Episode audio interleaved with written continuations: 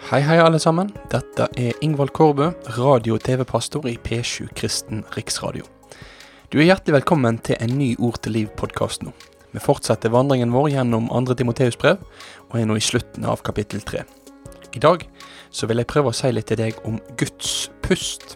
Og det har det å gjøre med hvordan Bibelen er inspirert. Hva betyr det, og hva betyr det ikke? Ja, i løpet av dagens podkast håper jeg at du kan få litt mer svar på akkurat det. Følg med på denne podkasten, og du, når vi er ferdig med selve hoveddelen av episoden, ikke skru av med en gang, for jeg har en viktig beskjed til deg helt mot slutten av dagens podkast.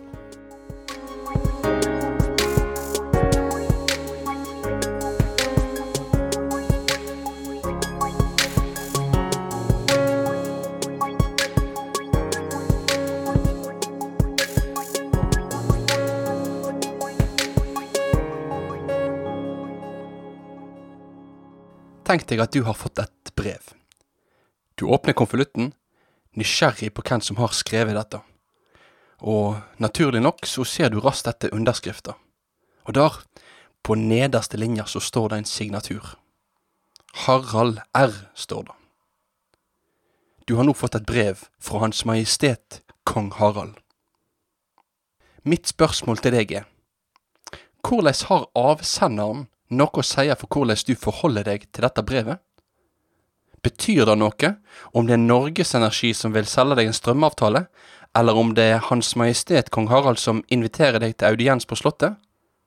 Har det noe å si hvem som har ført deg i pennen? Ja, jeg tror vi alle kan være enige om at avsender betyr noe. Avsender er avgjørende. For avsenderen, han påvirker på mange måter tyngden av brevets budskap. Det påvirker om brevet går rett i papiravfallet, eller om det har vært hengt opp på oppslagstavla.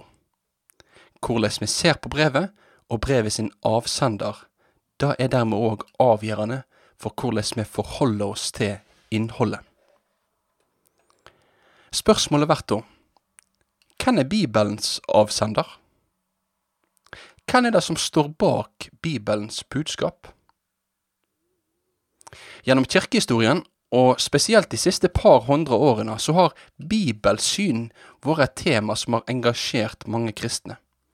Og det har blitt brukt ulike merkelapper for å beskrive ulike posisjoner, enten om seg sjøl eller om andre sine posisjoner. Og Da kan det f.eks. være snakk om et liberalt bibelsyn, et konservativt bibelsyn eller et fundamentalistisk bibelsyn. Alt dette kan en tenke at Bibelen uttaler seg autoritativt om. Bibelsyn er ikke uten betydning.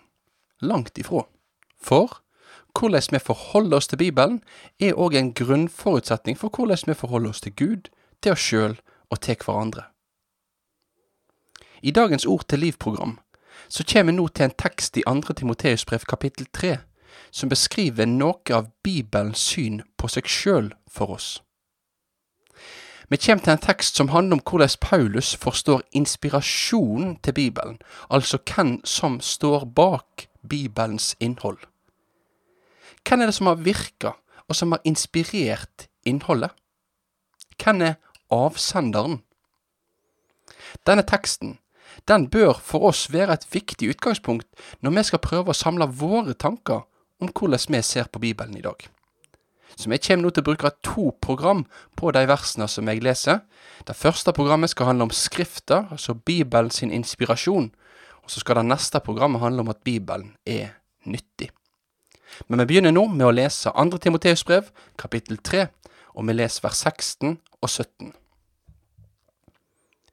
Heile Skrifta er innanda av Gud og nyttig til lærdom, til overtyding, til rettleiing, til oppseding i rettferd, så Guds menneske kan være fullkomme, dugande til all god gjerning.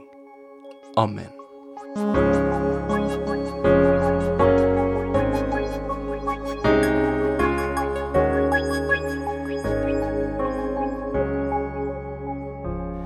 I de versene som jeg nå las, så begynner Paulus med å understreke at dette som han nå skal si, det gjelder hele Skrifta. Selve verset blir litt ulikt oversatt i ulike bibler.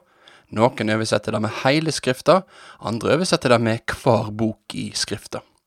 Nå skal ikke jeg her og nå gå inn i argumentene for og imot disse ulike oversettelsene, men det hovedpoenget som dette verset her vil formidle til oss, er alt det som er omfatta av det som blir kalla for Skrifta, det er innanda av Gud. I det forrige programmet så var jeg innom at Paulus bruker ordet skrifta, eller skriftene, om Det gamle testamentet sine skrifter. Og det som Paulus nå da skriver, det viser dermed egentlig hans grunnleggende innstilling til inspirasjonen av de gammeltestamentlige skriftene. Selv om han ikke direkte inkluderer sine egne skrifter her, så har jeg òg tidligere vært innom at Paulus han ser ut sjøl til å sidestille det han skriver, med det som står i Gamle testamentet. Og i 2. Peters brev kapittel 3 så kan vi se hvordan forfatteren der òg skriver om at Paulus sine brev blir forvrengt, slik òg de andre skriftene blir det. Det er interessant at når Peter da skriver om Paulus sine brev, så snakker han om de andre skriftene. Det ser dermed ut til at han òg anerkjenner at det Paulus skriver, det har samme posisjon som de gammeltestamentlige skriftene. Grunnen til at jeg nevner dette her, det er for å understreke for deg at det som denne teksten i andre Timoteus brev sier, da sier den først og fremst om Det gamle testamentets inspirasjon. Men det som denne teksten sier om Det gamle testamentets inspirasjon, er egentlig aktuelt for hele Bibelen og Det nye testamentets inspirasjon. Det sto her at disse skriftene var innånda, eller innanda av Gud. Så hva betyr det?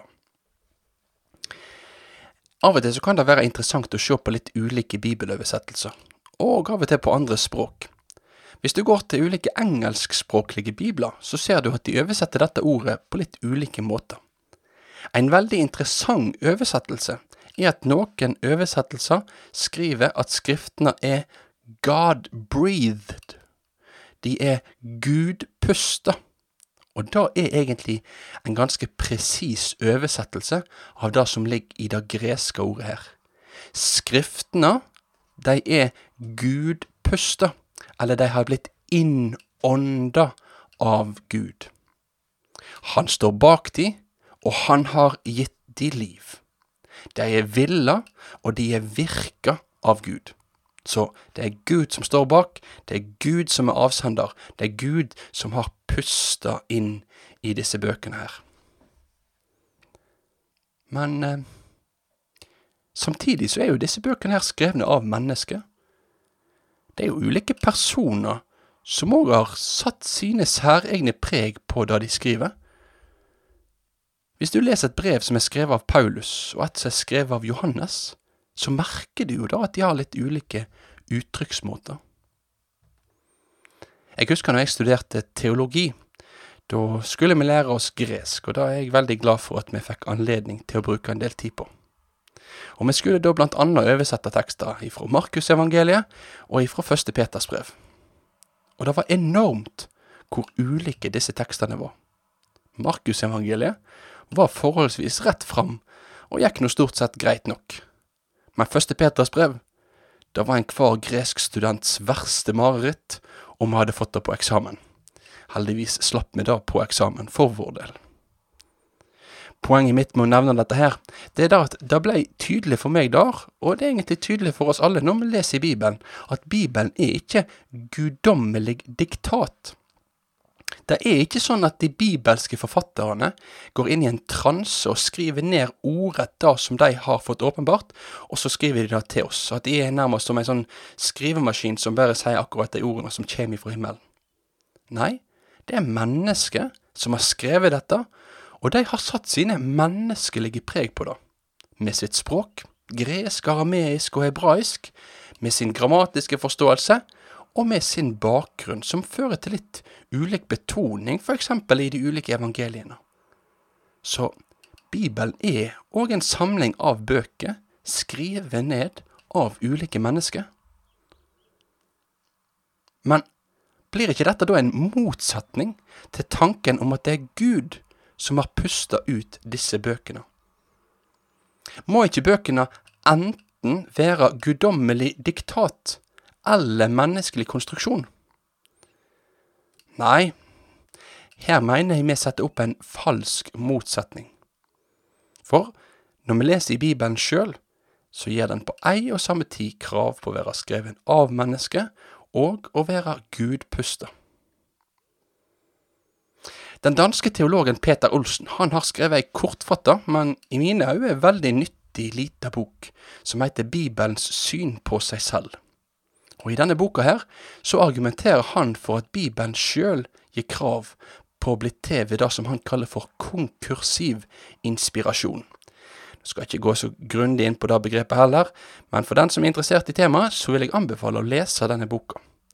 Det jeg vil gjøre, er at jeg vil lese et lite avsnitt til deg fra det som Olsen skriver, om det som handler om Bibelens inspirasjon, altså hvem som står bak den.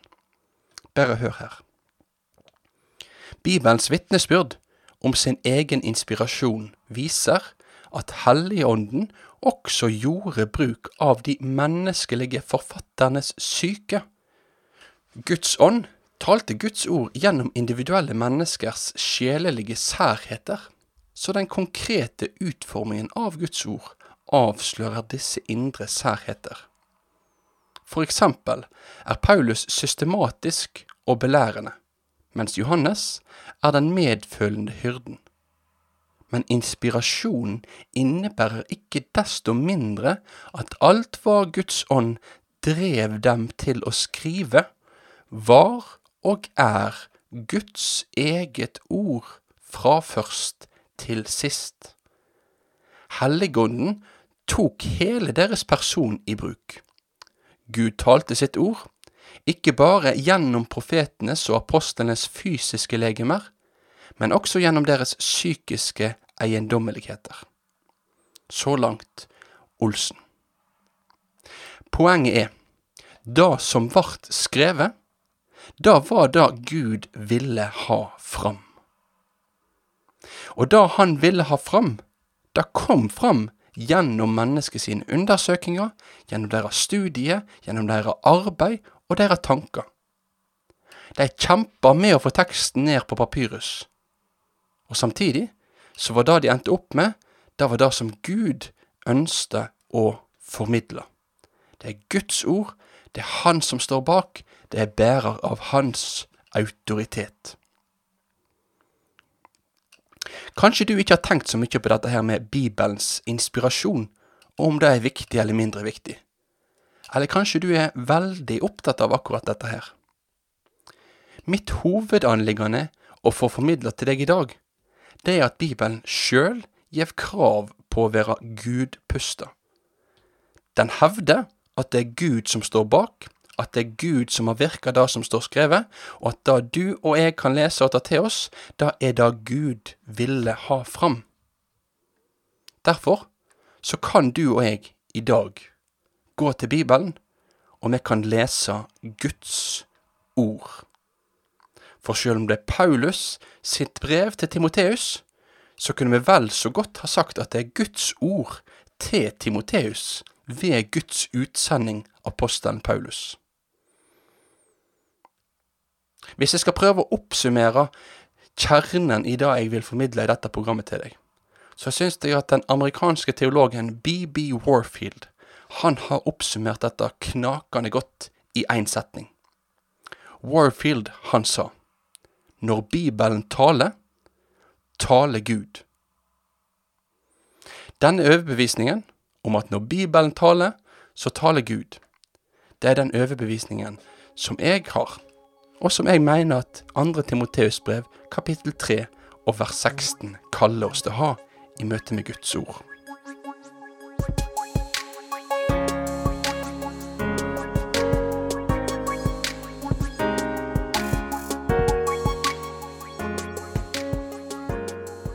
Da sier jeg tusen takk for at du har fått med deg denne Ord til liv-podkasten. Jeg håper at den kan ha vært med å hjelpe deg til å se at når du har med Bibelen å gjøre, så har du med Gud å gjøre. Han taler gjennom ordet sitt. Så sa jeg i starten at det var én ting jeg ville minne deg om helt mot slutten. Og det er at nå så holder jeg på å jobbe med et nytt radio- og podkastkonsept som etter planen skal lanseres i høst. Jeg gleder meg til dette her. Jeg syns det er veldig spennende, og det er et samarbeidsprosjekt mellom P7 og foross.no. Arbeidstittelen på prosjektet er Minefeltet, og det handler om en samtale om ulike tema, der kristne med høy tillit til Bibelen, som tror at Bibelen er Guds inspirerte ord, likevel kan lande litt ulikt. Jeg holder nå på å undersøke hva tema du som lytter kunne likt å høre om i en sånn podkast. Bli veldig gjerne med i en undersøkelse om dette her. Hvis du vil være med i undersøkelsen, så går du inn på minefeltet.paperform.co. Minefeltet.paperform.co. Jeg ligger den adressa i beskrivelsen i denne episoden, så kan du klikke deg inn via den òg. Alle som er med og svarer på dette skjemaet, de er med i trekningen av ei fantastisk flott og god P7-vannflaske. Jeg bruker den flittig. Og òg et gavekort på 300 kroner på p7.no sin nettbutikk. Så følg ut skjemaet, og vær med å påvirke hva tema vi skal ta opp i minefeltet. Ha en god dag videre.